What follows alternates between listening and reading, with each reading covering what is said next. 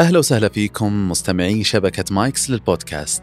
هالمرة جبنا لكم توصية لأحدث منتجاتنا في مايكس بودكاست قبل الغروب مع الشيخ صالح بن عواد المغامسي اللي راح يكون ضيفنا الدائم في كل الحلقات. كل مرة بيجيبنا الشيخ عن موضوعات تمس حياتنا ويجاوب على أسئلة تشغل تفكيرنا. في أولى حلقات هذا الموسم تحدثنا عن الجلال والجمال في حياة الأنبياء. شرحنا لما نهى الله أبانا آدم عن الأكل من الشجرة. وليه زادت محبة يعقوب ليوسف وأخيه؟ وأجاب الشيخ عن أسئلة تتعلق بسداد الدين عن الشخص المتوفى وهل يجوز سفر المرأة وحدها من دون محرم؟ وغيرها من الأسئلة. ندعوكم للاستمتاع بالحلقة عبر تطبيق البودكاست المفضل لكم وتلقون رابط الحلقة في خانة الوصف. نتمنى لكم استماع شيق وثري. ولا تنسون تشاركون الحلقة مع اللي حولكم.